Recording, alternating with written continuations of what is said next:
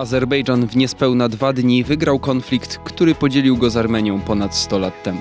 Stawką był Górski Karabach, jedyna prowincja poza granicami Armenii, gdzie Ormianie stanowili większość. Już niedługo, bo przez górskie drogi uciekają dziesiątki tysięcy ludzi. Azerowie przejmą opustoszałe terytorium. Czy na tym się zatrzymają? Skąd bierze się ich dominacja wojskowa?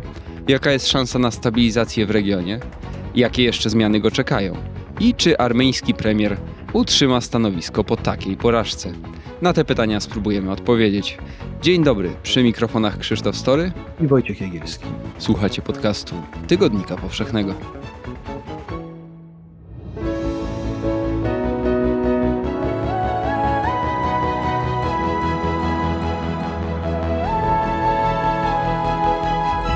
Podcast Tygodnika Powszechnego. Weź, słuchaj.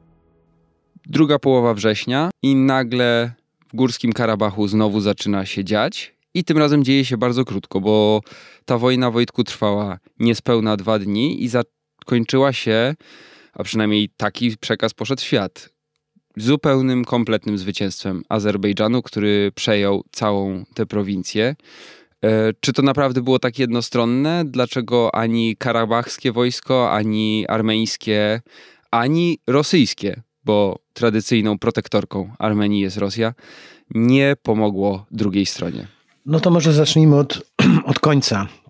Rosyjskie wojsko e, nie interweniowało, bo w Karabachu, w konflikcie między Azarami a Ormianami, ciągnącym się w tej ostatniej odsłonie od końca lat 80., Rosjanie nigdy w zasadzie nie interweniowali. Jedynie na początku e, konfliktu, na początku lat 90., e, wspierali Azerbejdżan także zbrojnie, i to były jeszcze czasy Związku Radzieckiego i Armii Radzieckiej, bo mm, Azerbejdżan, w przeciwieństwie do Ormian i Gruzinów na Kaukazie, mm, opowiadał się za utrzymaniem Związku Radzieckiego, więc Armia Radziecka wspierała ten Azerbejdżan i pomagała Azerbejdżanowi utrzymać Karabach, w którym już e, trwało może trwało to duże słowo, tliło się już powstanie karabachskich Ormian. Poza tym krótkim okresem Rosjanie nigdy zbrojnie nie interweniowali w Karabachu. Owszem, cały czas utrzymywali tam wojska, jak nie rozumiem, czy to pokojowe, Dzisiaj to jest 2000 żołnierzy mniej więcej. No ostatnio to były 2000 żołnierzy. Generalnie rzecz biorąc to był taki niewielki oddział, ale Rosja mm, i swoją obecność wojskową w Karabachu i w ogóle Karabach e, wykorzystywała przez te wszystkie lata jako instrument, żeby trzymać w szachu i Armenię, i Azerbejdżan. Była takim dziwacznym arbitrem, który mm, mając na ringu słaniających się ze zmęczenia e, pięściarzy, nie tylko nie ogłasza remisu, czy nie wzywa lekarza, przerwy w walce, tylko podjudza jednego przeciwko drugiemu, ale pilnuje, żeby żadnemu z nich nie udało się zdobyć przewagi nad drugim. Po to chodziło o to, nie o to, żeby złapać króliczka, tylko żeby go gnać. Żeby ta wojna trwała, ten konflikt się utrzymywał, bo ten konflikt znakomicie pętał i ręce i nogi zarówno Ormianom, jak i Azerom. Więc Rosja nie interweniowała, a teraz nie interweniowała dodatkowo, bo sama jest uwikłana w konflikt w Ukrainie i tych 2000 żołnierzy, których miała mieć w Karabachu, zdaje się, że ich dwóch, aż takiej liczby nie było, bo przynajmniej część z nich przerzuciła mm, do Ukrainy. Po drugie, wreszcie, z punktu widzenia prawa, y, Rosja nie miała prawa używać, przepraszam, prawa, prawa, nie miała prawa y, interweniować zbrojnie w Karabachu, dlatego że Karabach e, Rosja uznaje i nie tylko Rosja, świat uznaje Karabach za część, państwa, część terytorium azerbejdżańskiego państwa.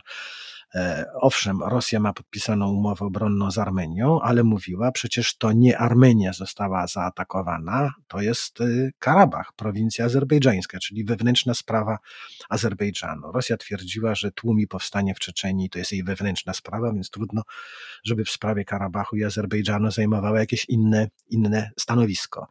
Rosja zresztą mówiła, że do Ormian, że przecież sami uznaliście, e, że Karabach stanowi część e, terytorium azerbejdżańskiego państwa. I rzeczywiście premier Armenii Nikol Paszynian jako pierwszy przywódca Armenii od 91 roku, czyli od, od odzyskania niepodległości, oficjalnie uznał w maju, może nie uznał, ale powiedział, że gotów jest uznać Karabach za część Azerbejdżanu pod warunkiem, że Azerowie będą jakby to powiedzieć, gwarantować bezpieczeństwo karabachskich Ormian. To było zdanie warunkowe, ale Rosja, zresztą cały świat zrozumiał to, że Armenia Armenia nie będzie już wspierała secesji karabachskich Ormian. No właśnie, i to jest ciekawe, bo ten Karabach zawsze był y, dowodem czy papierkiem lakmusowym siły y, armeńskich władz, y, czy siły pozycji w regionie. I teraz tak o, oddajemy, nie wspieramy już? Dlaczego? Owszem, Karabach był na początku ruchu niepodległościowego, wyzwoleńczego. Karabach był takim najsilniejszym instrumentem tożsamościowym Ormian. E, walka o Karabach, o zjednoczenie Karabachu z Armenią, Mijacum skandowano, czyli jedność wtedy w, na wiecach w Erywanie.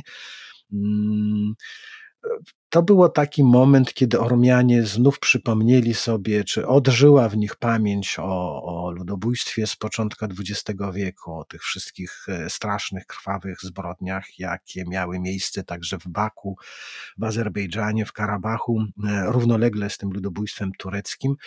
I Ormianie. Mm, znów poczuli się zagrożeni. To poczucie zagrożenia i to poczucie jedności narodowej pomogło Ormianom zbudować niepodległe państwo w 1991 roku, czy upominać się o nie, bo to był rzeczywiście wyjątkowo zgodny i silny ruch.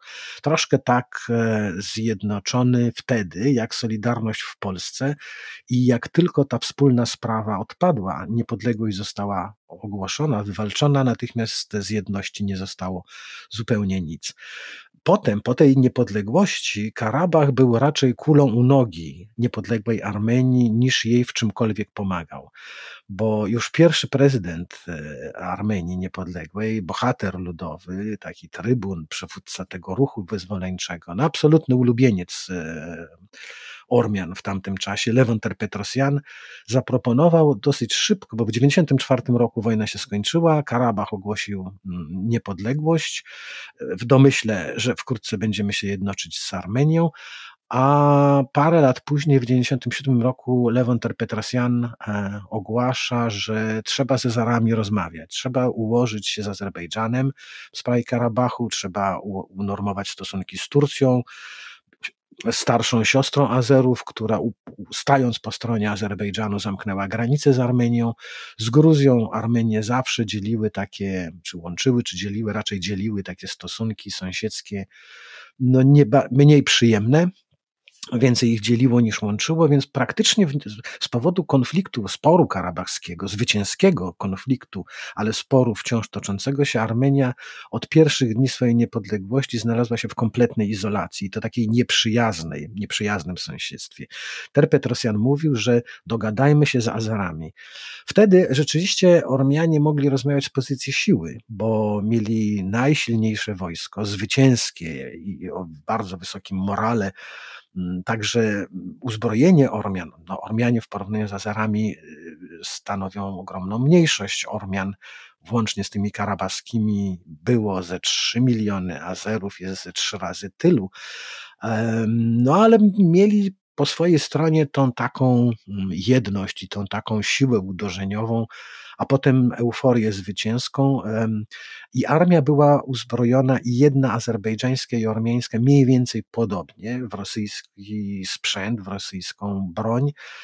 E, ormiańska była silna zwycięstwem, a azerbejdżańska zdemoralizowana przez e, klęskę, jaką poniosła w Karabachu. Terpet Rosjan chciał dogadywać się z, z Azerbejdżanem na ormiańskich warunkach.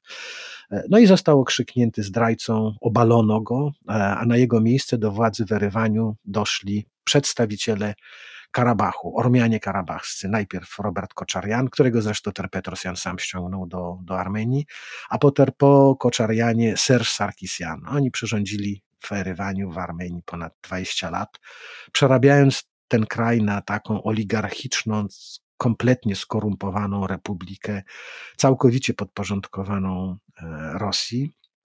E, bo karabachscy Ormianie, czyli Koczarian i Sarkisian uznali, że nie mając szans e, w wyścigu zbrojeń z Azerbejdżanem, Armenia może liczyć tylko na Rosję. Armenia oddała Rosji straż na armeńskich granicach, oddała bazę wojenną w Gyumri, oddała praktycznie całą gospodarkę, a przynajmniej to w gospodarce, co miało jakiekolwiek znaczenie, energetykę przede wszystkim. No i dzisiaj bardzo słabo na tym wychodzi, bo Rosja mają.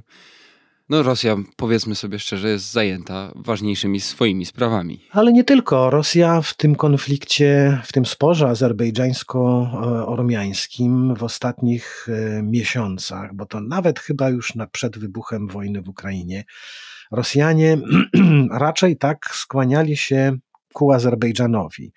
Na Kremlu uznano, że Armenia nie ma innego wyjścia. No bo Armenia nie ma innego wyjścia. Armenia może tylko liczyć na życzliwość jakąś tam przyzwoitość Rosji. E, bo tak jak mówi e, taki sławny ormiański politolog Aleksander Iskandarian, mentalnie Ormianie są Europą, ale nie sąsiadują ze Szwajcarią czy z Holandią, tylko z Turcją i z Iranem. I tego nic nie zmieni.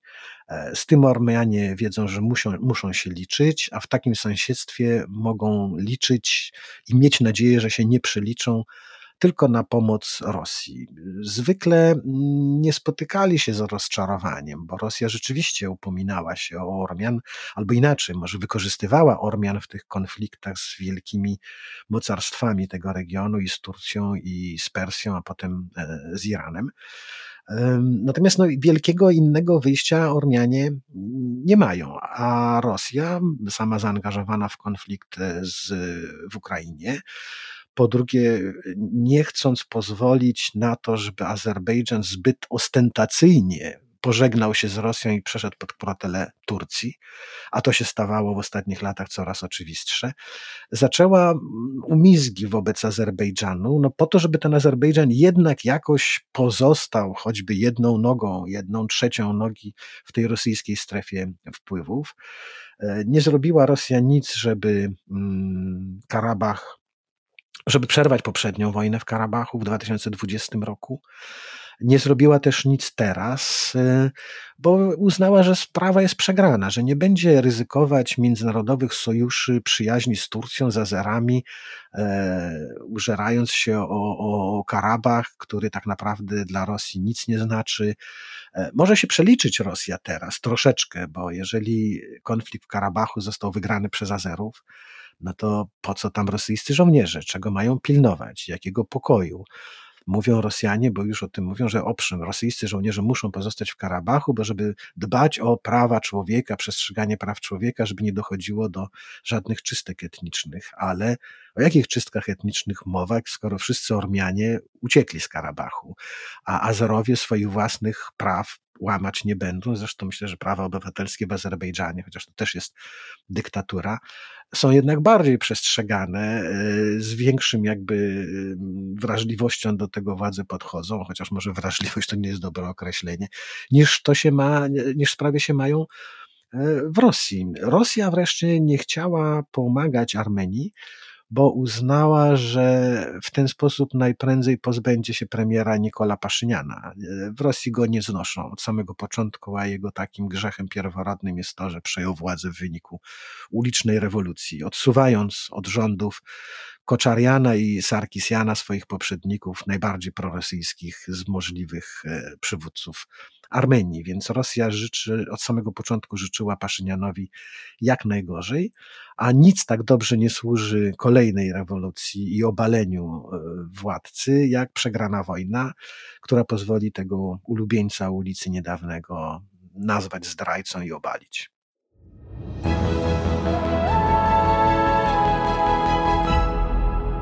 Kup Tygodnik Powszechny na stronie tygodnikpowszechny.pl i sprawdź swoją zniżkę z kodem podcast.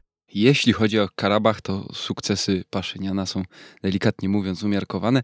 Jemu też zresztą y, chyba aż tak do końca nie zależy, to znaczy pod jego rządami Armenia o ten Karabach y, kopii y, nie kruszy. E, czego efektem jest to, że po drugiej stronie mając Azerbejdżan coraz lepiej uzbrojony, to jeszcze do tego uzbrojenia dojdziemy, ale tutaj bardzo dużą rolę od, odgrywają te tureckie drony, ale też uzbrojenie z Izraela. E, po prostu Armenia przegrywa i to mm, zaczęła przegrywać na poważnie w 2020 roku e, kiedy Azerbejdżan odzyskał tą strefę buforową wokół Karabachu. Taki kilka powiatów, które były, mm, były taką strefą buforową pod kontrolą Armenii y, wokół Karabachu. No a teraz 19 września wybuchły starcia. Przez kilka tygodni wcześniej y, Armenia ostrzegała, że Azerbejdżan koncentruje swoje wojska przy granicy z Karabachem. 19 września zaczęła się bardzo szybka wojna, bo ona się skończyła już y, niespełna dwa dni później. E, znaczy trwała niespełna dwa dni, bo skończyła się 20 września podpisaniem zawieszenia broni zginęło około 500 osób. E, potwierdzeniem upadku Arcachu, jak Armenii, Ormianie nazywają Karabach, e, jest ogłoszony 28 września e, przez prezydenta tej nieuznawanej republiki dekret, który ją po prostu rozwiązuje z początkiem przyszłego roku. No i teraz tak. Przewaga Azerbejdżanu w ostatnich latach jest coraz bardziej y, widoczna i to jest, mówię tutaj o przewadze wojskowej. Dlaczego Turcja i Izrael tak chętnie dozbrajają Azerbejdżan? Z rozmaitych powodów. Turcja przede wszystkim dlatego, że uważa się za opiekunkę i taką starszą siostrę nie tylko Azerów, e, to najbliżsi krewniacy tureccy, e, ale wszystkich ludów e, tureckich, które mają swoje państwa, republiki w Azji Środkowej, te republiki, które powstały po rozpadzie Związku Radzieckiego. Więc Turcja też chce być taką opiekunką i Kazachstanu, i Kirgizów, i Uzbekistanu, i Turkmenistanu.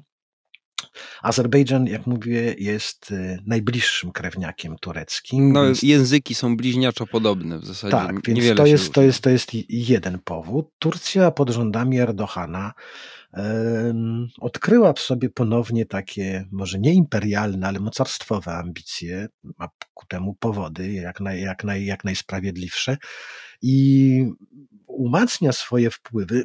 Staje się Turcja taką powoli gospodynią nie tylko w Azji Mniejszej, na Kaukazie, ale także na Bliskim Wschodzie. Staje się graczem coraz bardziej liczącym, no więc zrozumiałe, że że, że, że ten Azerbejdżan był tak jakby oczywistym kierunkiem pierwszoplanowym działalności tureckiej dyplomacji, a i w Azerbejdżanie zawsze traktowano Turcję jako najbliższą sojuszniczkę, jako taką, taką panią matkę, do której się biegnie i jak stanie się krzywda, ale także po pomoc i poradę. No więc dlatego Turcja, a Izrael, Izrael e, pomaga Azerbejdżanowi jak może, dlatego że widzi w Azerbejdżanie swojego sojusznika w sporze czy też w konflikcie z Iranem. I Azerbejdżan sąsiaduje z Iranem od północy, a Izrael uważa, że dla jego bezpieczeństwa Iran stanowi największe zagrożenie.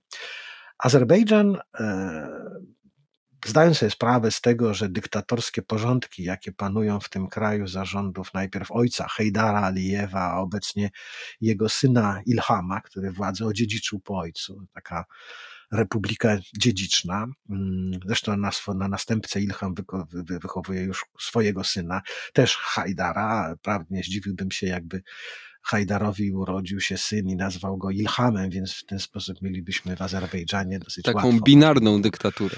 Raz no i łatwo byłoby odgadnąć, kto rządzi Azerbejdżanem. Szansa pomyłki byłaby 50% zaledwie. Albo Hajdar, albo, albo Ilham. Choć była też przy krótki, przez krótki okres czasu E, no wciąż ona niby jest, ponieważ wiceprezydentem w Azerbejdżanie jest żona panującego prezydenta. E, to tak na wszelki wypadek myślę, że Ilham się ubezpieczał, gdyby jemu coś się stało, zachorował, albo gdyby komuś przyszło do głowy tą republikę, coś tam w konstytucji zmieniać i ograniczyć kadencje prezydenckie Ilhama Alijewa. No teraz już nikt nie będzie niczego Ilhamowi ograniczał, dlatego że on przez wygraną wojnę i odzyskanie Karabachu jest uważany w Azerbejdżanie za bohatera równie wielkiego jak jego ojciec, uważany za założyciela mm, współczesnego azerbejdżańskiego państwa. Ale ten Izrael Azerbejdżan, wiedząc, że na Zachodzie wytykają mu te dyktatorskie rządy, to w chwilach, w godzinach próby zawsze stawał po stronie Zachodu. Czy to była inwazja na Afganistan, czy to była wojna w Iraku, Azerbejdżan się zgłaszał i mówił, że jakby co, to możecie na mnie liczyć. Może nie na mnie. Nawet Eurowizję zorganizował. No, Eurowizja to już była zorganizowana dla, dla uciechy. E, nie, no żartuję sobie, ale faktycznie Azerbejdżan bardzo pilnował, żeby być częścią Zachodu. Podobnie urządził zresztą te sławne i cieszące się ogromnym wzięciem i, i niesłabnącą popularnością Igrzyska Europejskie, które po Azerbejdżanie urządziła Białoruś, a po Białorusi, po Białorusi Polska. Jesteśmy na podium. Po nas jeszcze chyba nikt się nie zgłosił. Nie wiem, czy będą kiedykolwiek jacy chętni. Żeby tak się nie stało, że te Igrzyska będą przechodzić wobec, między tych, którzy już odważyli się je zorganizować. Więc co trzy lata będziemy na zmianę z Azerami, Białorusinami, nami gościć to w Krakowie, to w Poznaniu. Kraków może już jest zwolniony z tej przyjemności, bo już raz je urządził. E, no w każdym razie e, Ilham Alijew, e, wcześniej Hajdar nie miał takiej możliwości, bo, bo w 2001 roku był ciężko chorym człowiekiem i tak naprawdę władzę przejmował jego syn. I od inwazji w Afganistanie, i od inwazji Zachodu w Iraku, Azerbejdżan zawsze powtarzał Zachodowi, że może na niego liczyć, nawet może, może nie na azerbejdżańskie wojsko, bo Azerbejdżan niechętnie swoich żołnierzy wysyła, e, zwłaszcza w konflikty, które dotyczą muzułmanów. Nie chce się tam mieszać. Natomiast użyczał chętnie swojego terytorium a to jako bazy przeładunkowe, otwierał niebo dla samolotów latających i do Afganistanu, i do Iraku. Więc Izrael liczy bardzo, że e, Azerbejdżan może być dla niego takim partnerem, żeby szachować Iran. Bo jeżeli, bo z kolei Azerbejdżan i Iran nie łączy przyjaźń, raczej bym powiedział, że wrogość, skrywana albo jawna wrogość. Iran e, na złość Azerbejdżanowi wspierał Armenię w tym konflikcie, a także dlatego, że to Turcja wspierała Azerbejdżan, a Iran robi, zawsze stara się robić odwrotnie do tego, co robi, co robi Turcja. Północny, ta, nie, ta niechęć, czy powiedzmy konflikt, jakiś spór między Azerbejdżanem i Iranem e, bierze się z tego, że północny Iran zamieszkany jest przez Azerów, takich samych Azerów, którzy żyją e, w Azerbejdżanie. To jest ten sam lud, ten sam naród, który gdyby inaczej potoczyły się dzieje mm, i inaczej poprowadzono granice wpływów i granice państwowe w tej części świata, być może żyliby w jednym państwie, byłoby ich kilkadziesiąt milionów czy kilkanaście milionów, e, byliby bogaci, nowocześni, ale inaczej się potoczyły losy Azerów. E, północna część została wchłonięta przez e, Rosję najpierw, potem stała się niepodległym Azerbejdżanem, natomiast południowa stała się częścią Persji, a potem Iranu.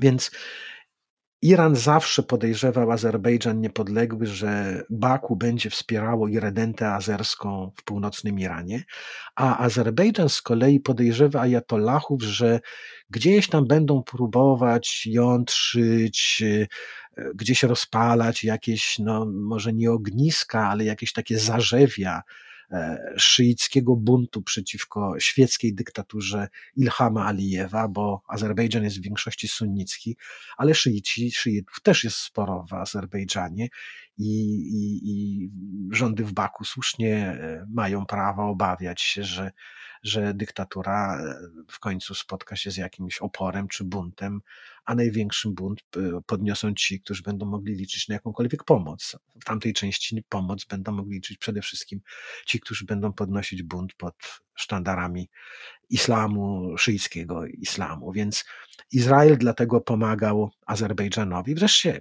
handel bronią to jest też biznes. Armenia, gdyby miała pieniądze, to też by sobie kupowała broń w Izraelu, ale jak nie ma tych pieniędzy, to mogła liczyć tylko na dostawy z Rosji. A Azerbejdżan, wzbogacony na ropie naftowej i na, i na, i na gazie ziemnym, kupował wszędzie. Kupował w Izraelu, kupował w Turcji, bo uznał, że tam ten ars, te arsenały są najlepsze i najnowocześniejsze.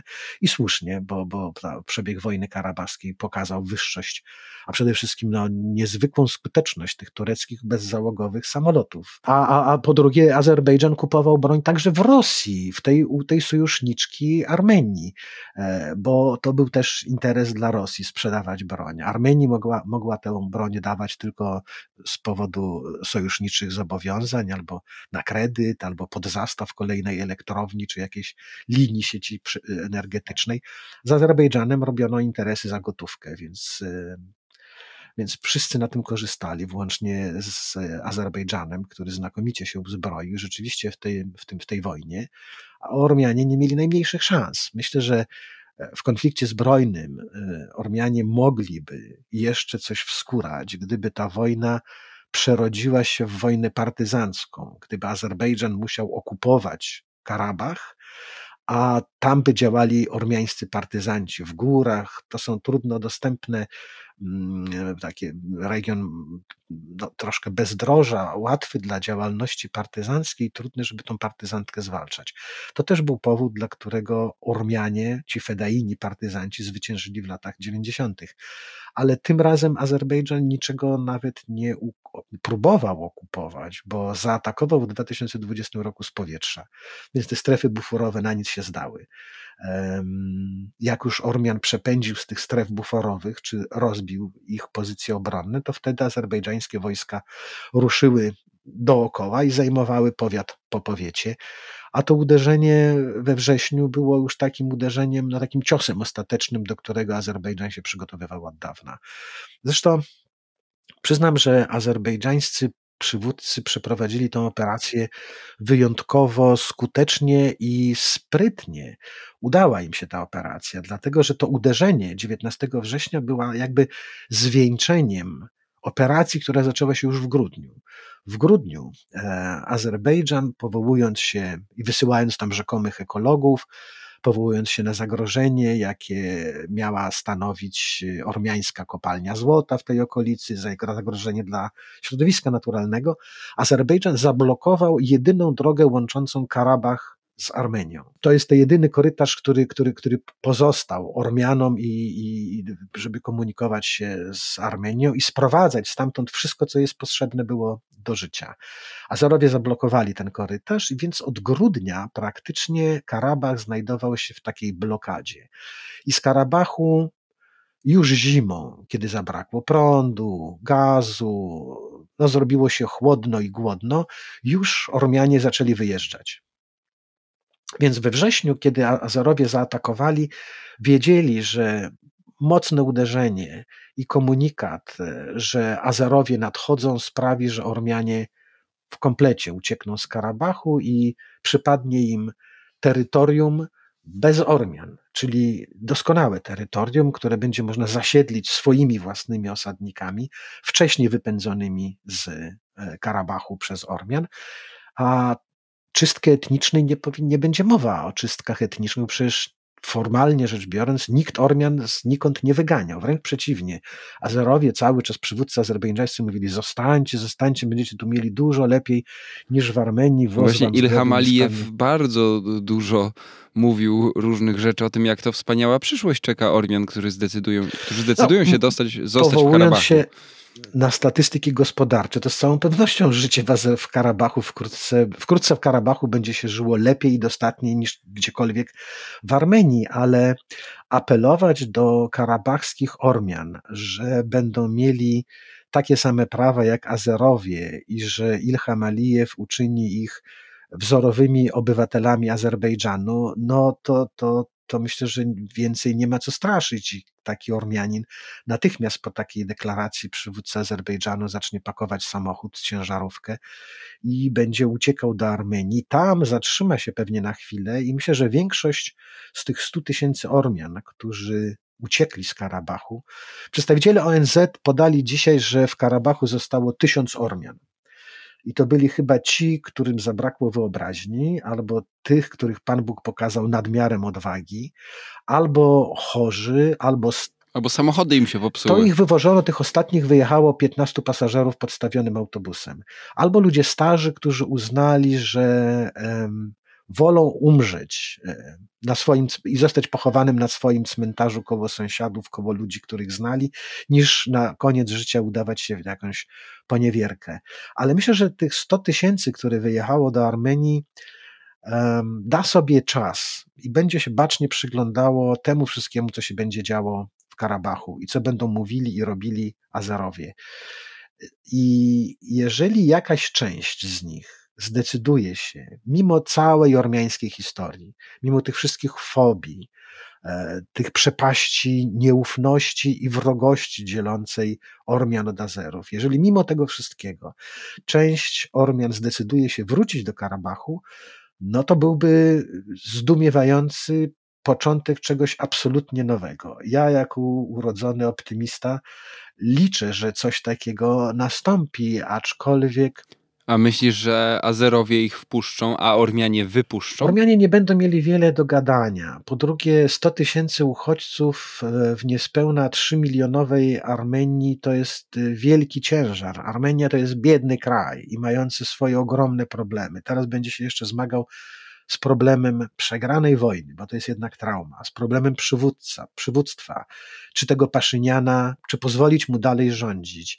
I jak ma rządzić premier, który przegrał dwie wojny i został nazwany dwukrotnie zdrajcą.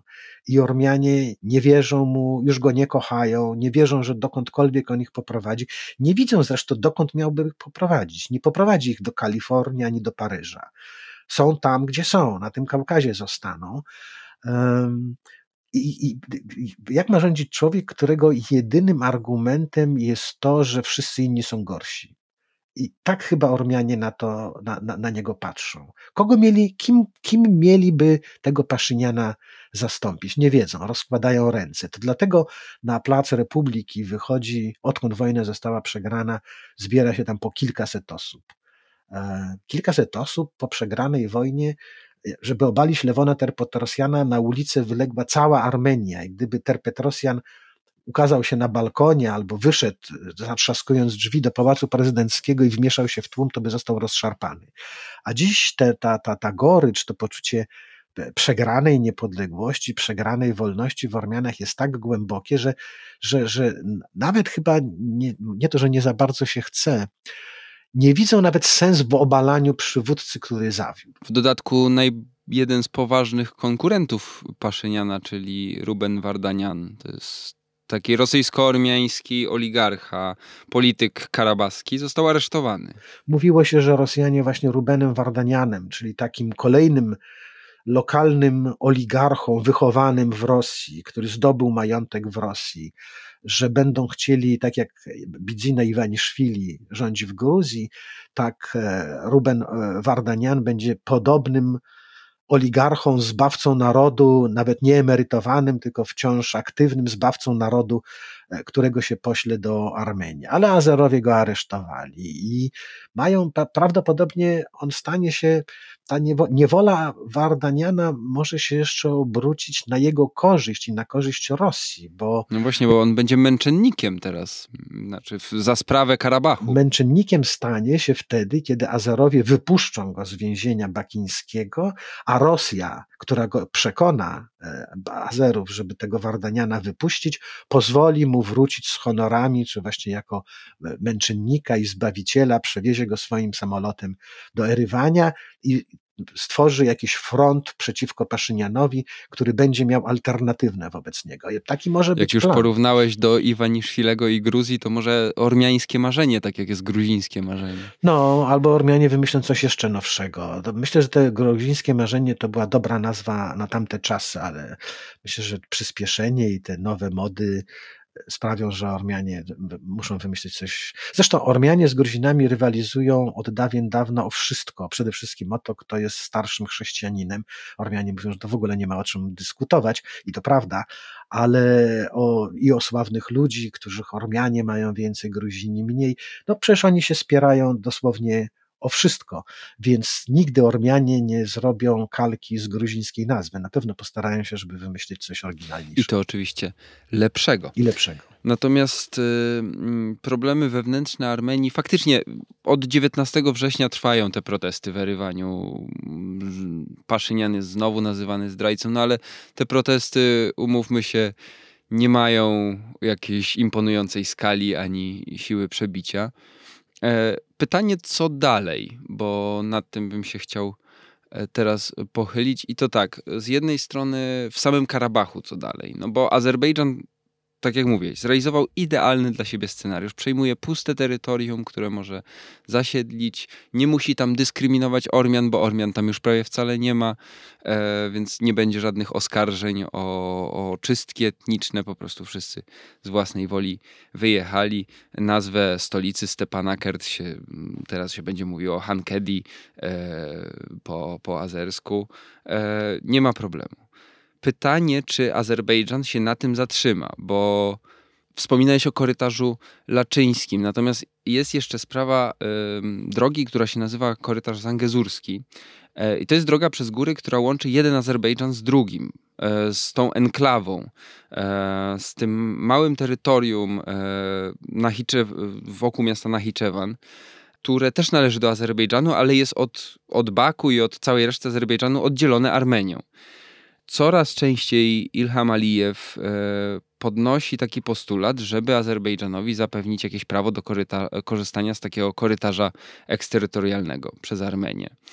Czy to jest kierunek, w którym Azerbejdżan będzie parł zdecydowanie i znowu dociskał tą Armenię? A pewnie by chciał. I nie tylko Azerbejdżan, ale także Turcja, dlatego że mm, taka, taki korytarz przez Zangezur, czy przez Siunik, jak mówią e, Ormianie, nazywają te terytorium, byłby, mm, dawałby połączenie lądowe Turcji przez Nachiczewan z Azerbejdżanem. E, to jest kwestia i symboliki pewnej, ale także logiki transportowej, bo Gdyby w Karabachu sprawy poszły nie tak, to myślę, że Azerbejdżan by szachował Armenię, że jeżeli wy nam robicie wbrew w Karabachu, to wy, mam, wy my wam postaramy się zaszkodzić w Zangezurze.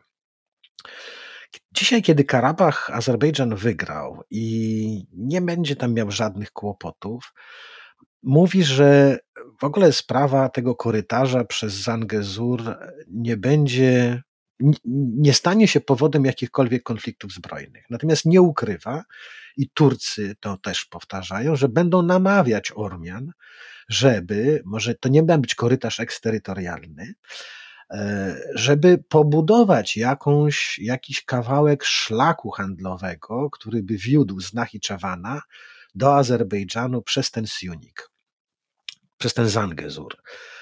E, powołują się też na układ roz, rozejmowy z 2020 roku, który z jednej strony zobowiązywał Azerbejdżan do tego, żeby zapewnił drożność drogi, która byłaby połączeniem między Karabachem i Armenią, a w zamian za to Armenia nie powinna robić przeszkód Azerom podróżującym czy przewożącym towary między Azerbejdżanem i Nachiczewanem.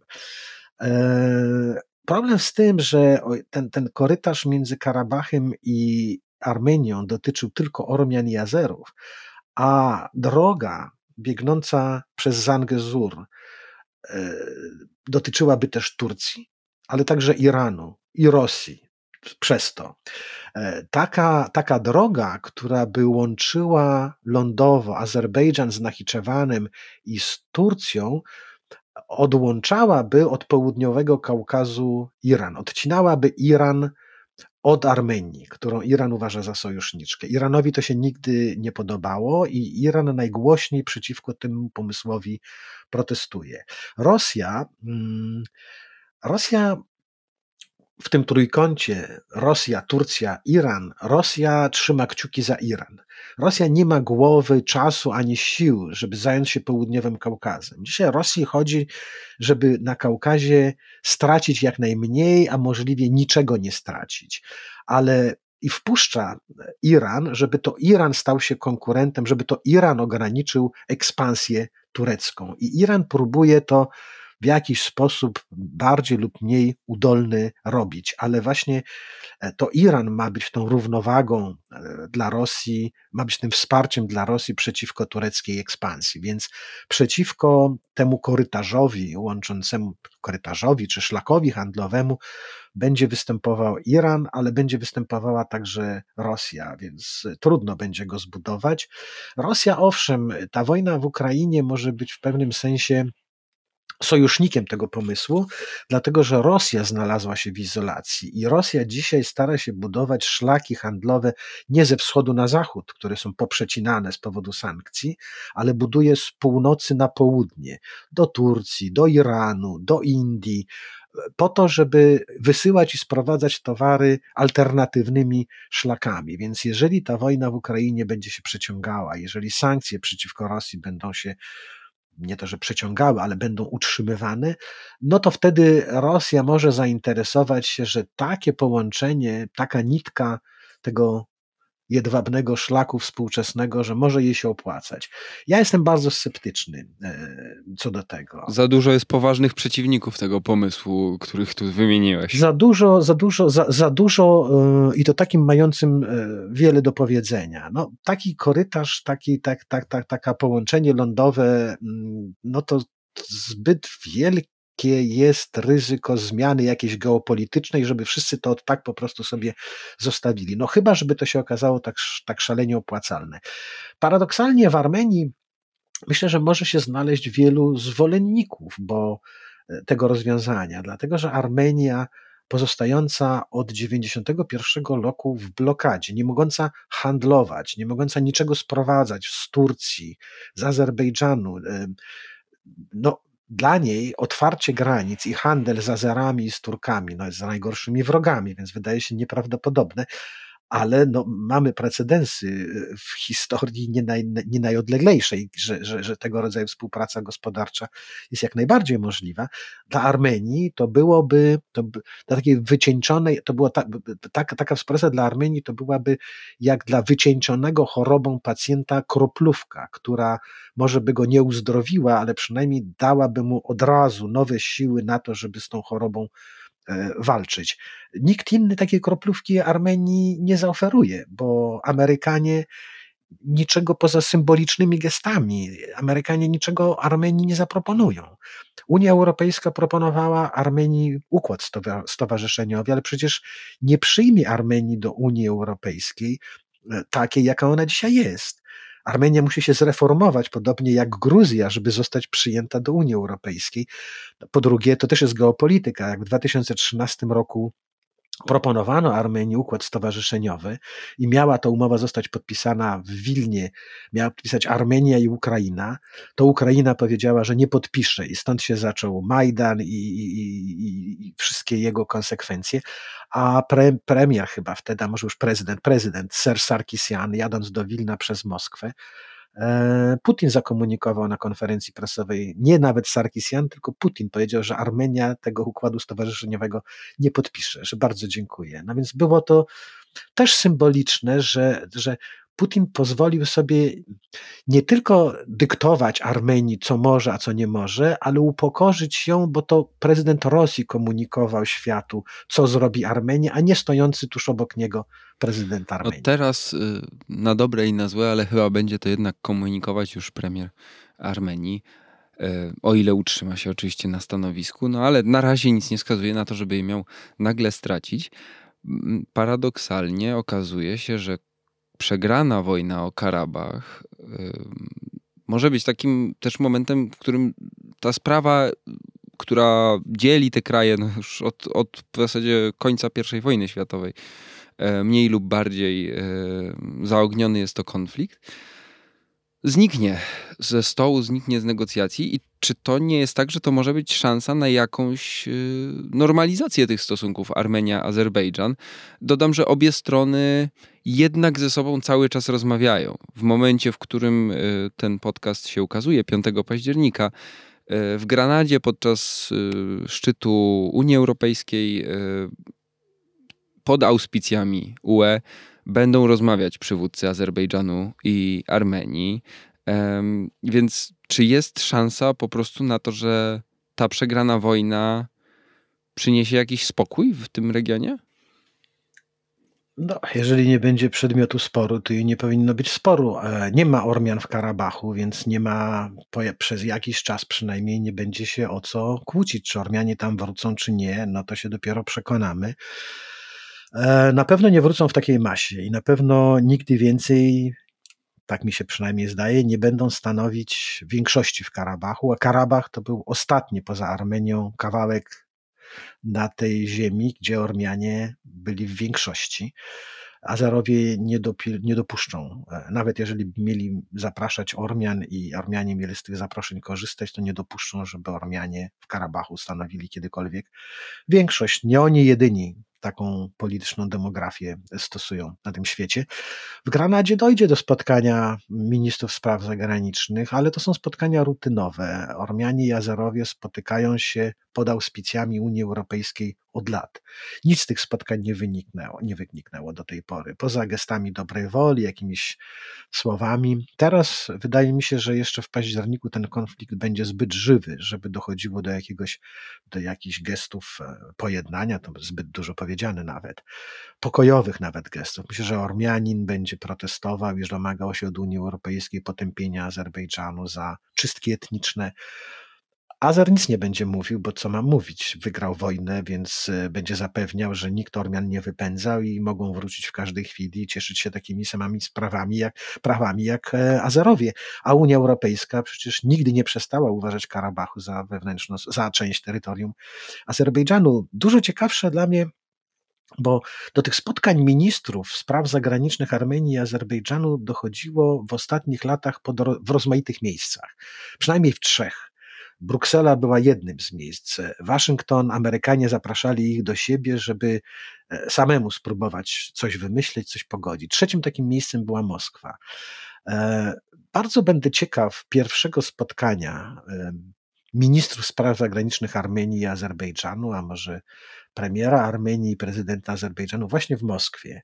Co będą oni mieli do powiedzenia i co będzie miał do, do powiedzenia gospodarz tego spotkania, prezydent Putin, bo mm, no to, będzie, to będzie spotkanie w Moskwie, będą się decydowały, mm, będzie się decyd- rozstrzygało to, co się dalej będzie działo z Armenią. E, oczywiście to były symboliczne e, gesty i, i ta informacja e, krążyła po, po, po, po gazetach, po telewizjach, rozgłośniach radiowych, a nie zasługiwała pewnie aż tak bardzo na to, bo tuż przed wybuchem ofensywy, rozpoczęciem ofensywy azerbejdżańskiej, tej wrześniowej w Armenii doszło do pierwszych chyba w ogóle, ja nie pamiętam zresztą, kiedy, przynajmniej kiedy były poprzednie, manewrów, ćwiczeń wojskowych ormiańsko-amerykańskich.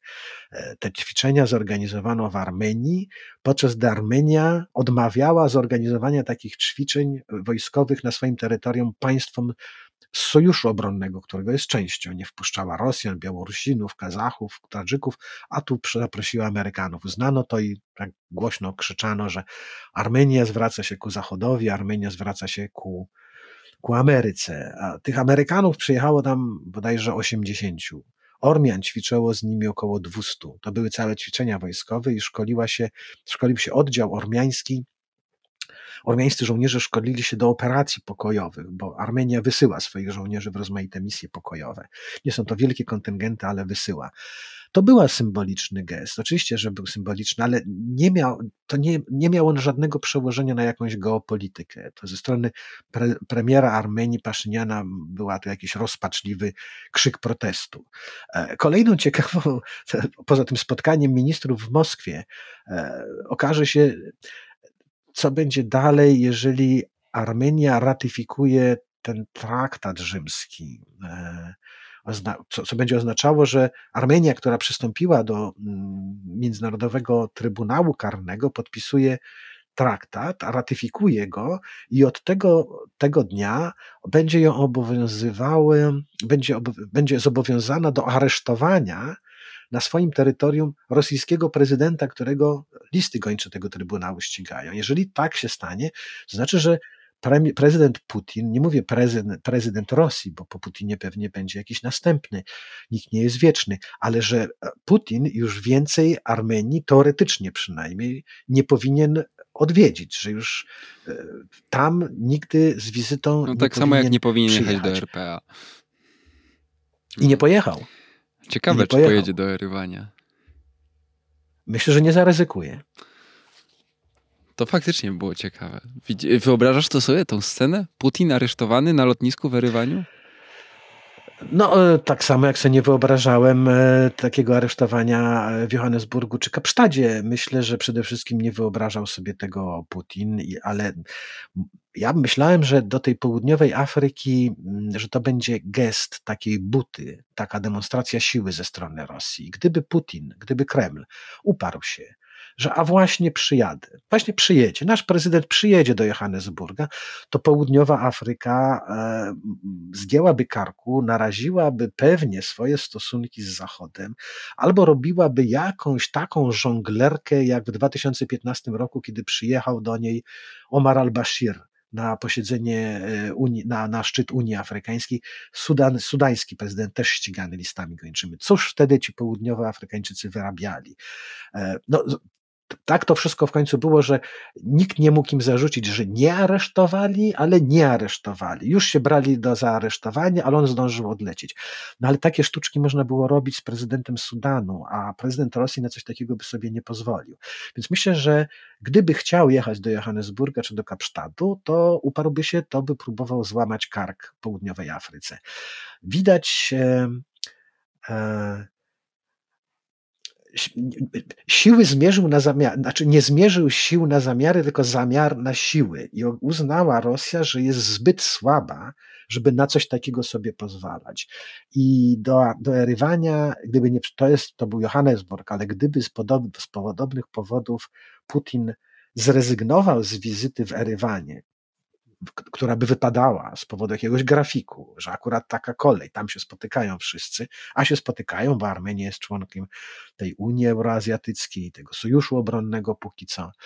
No więc jeżeli by uznał, że nie pojadę do Erywania, bo jednak obawiam się, że tam coś może się nieprzyjemnego stać, no to byłby to byłby taka, taka chwila, kiedy można było powiedzieć, że tak, no Rosja osłabła, Rosja straciła wpływy, bo mówi się, że Rosja straci wpływy na tym Kaukazie. Ja tego jakoś tak specjalnie nie widzę. Nie wiem, gdzie ona te wpływy miałaby stracić. Żołnierze rosyjscy, tak jak byli w Karabachu, tak są. Nikt ich stamtąd na razie nie chce wypędzać. E, a Armenia pokonana w wojnie karabaskiej, nawet pod rządami Paszyniana, nie ma się nigdzie podziać może pójść tylko po prośbie. Dalej większa część jej gospodarki jest i tak zależna od Rosji. Tak samo jest rosyjska. Rosyjska baza jest w Jumri, jak była, i rosyjscy żołnierze stoją na granicach. Gruzja e, robi takie wolty, że w zasadzie robi wszystko to, co, co, co Rosja by chciała, żeby Gruzja robiła. Jest coraz bardziej, wpisuje się w tą politykę zagraniczną prorosyjską. A Azerbejdżan zwycięski, e, wdzięczny Rosji, że się nie mieszał w te sprawy karabachskie, no też nie jest dalej od Rosji, może nie jest bliżej Rosji, ale z całą pewnością nie dalej, więc Rosja e, w tej awanturze karabachskiej nie zyskała może, ale czy straciła? Bardzo byłbym jeszcze daleki od takiego stwierdzenia. Zobaczymy jak pójdzie ratyfikacja traktatu i ewentualne wizyty zagraniczne Putina w Erywaniu. No i czy Ruben Wardanian przyjedzie do Erywania? Właśnie, a może na spadochronie go zrzucą. No zobaczymy. Z białym koniem na spadochronie. Ja, ja, ja lubię te momenty, kiedy geopolityka przypomina choć troszkę film akcji. E, to jest wtedy takie ożywcze i, i świeże. Tak czy inaczej, w Karabachu póki co zanosi się na chwilę spokoju tak naprawdę i to jest y, dobra wiadomość. Niedobra wiadomość jest taka, że spokój jest okupiony dwudniową, ale jednak wojną. To już wszystko w tym odcinku podcastu Jagielski Story. Przy mikrofonie zgodnie z nazwą tego cyklu Krzysztof Story i Wojciech Jagielski. Dziękujemy Wam bardzo za obecność, za słuchanie, za wsparcie, które okazujecie nam e, w serwisie Patronite i za to, że czytacie też teksty mm, w wydaniu papierowym i na stronie tygodnikpowszechny.pl, na którą bardzo serdecznie zapraszam, bo tam masa tekstów z nowego numeru tygodnika. A my się już dzisiaj żegnamy i do usłyszenia.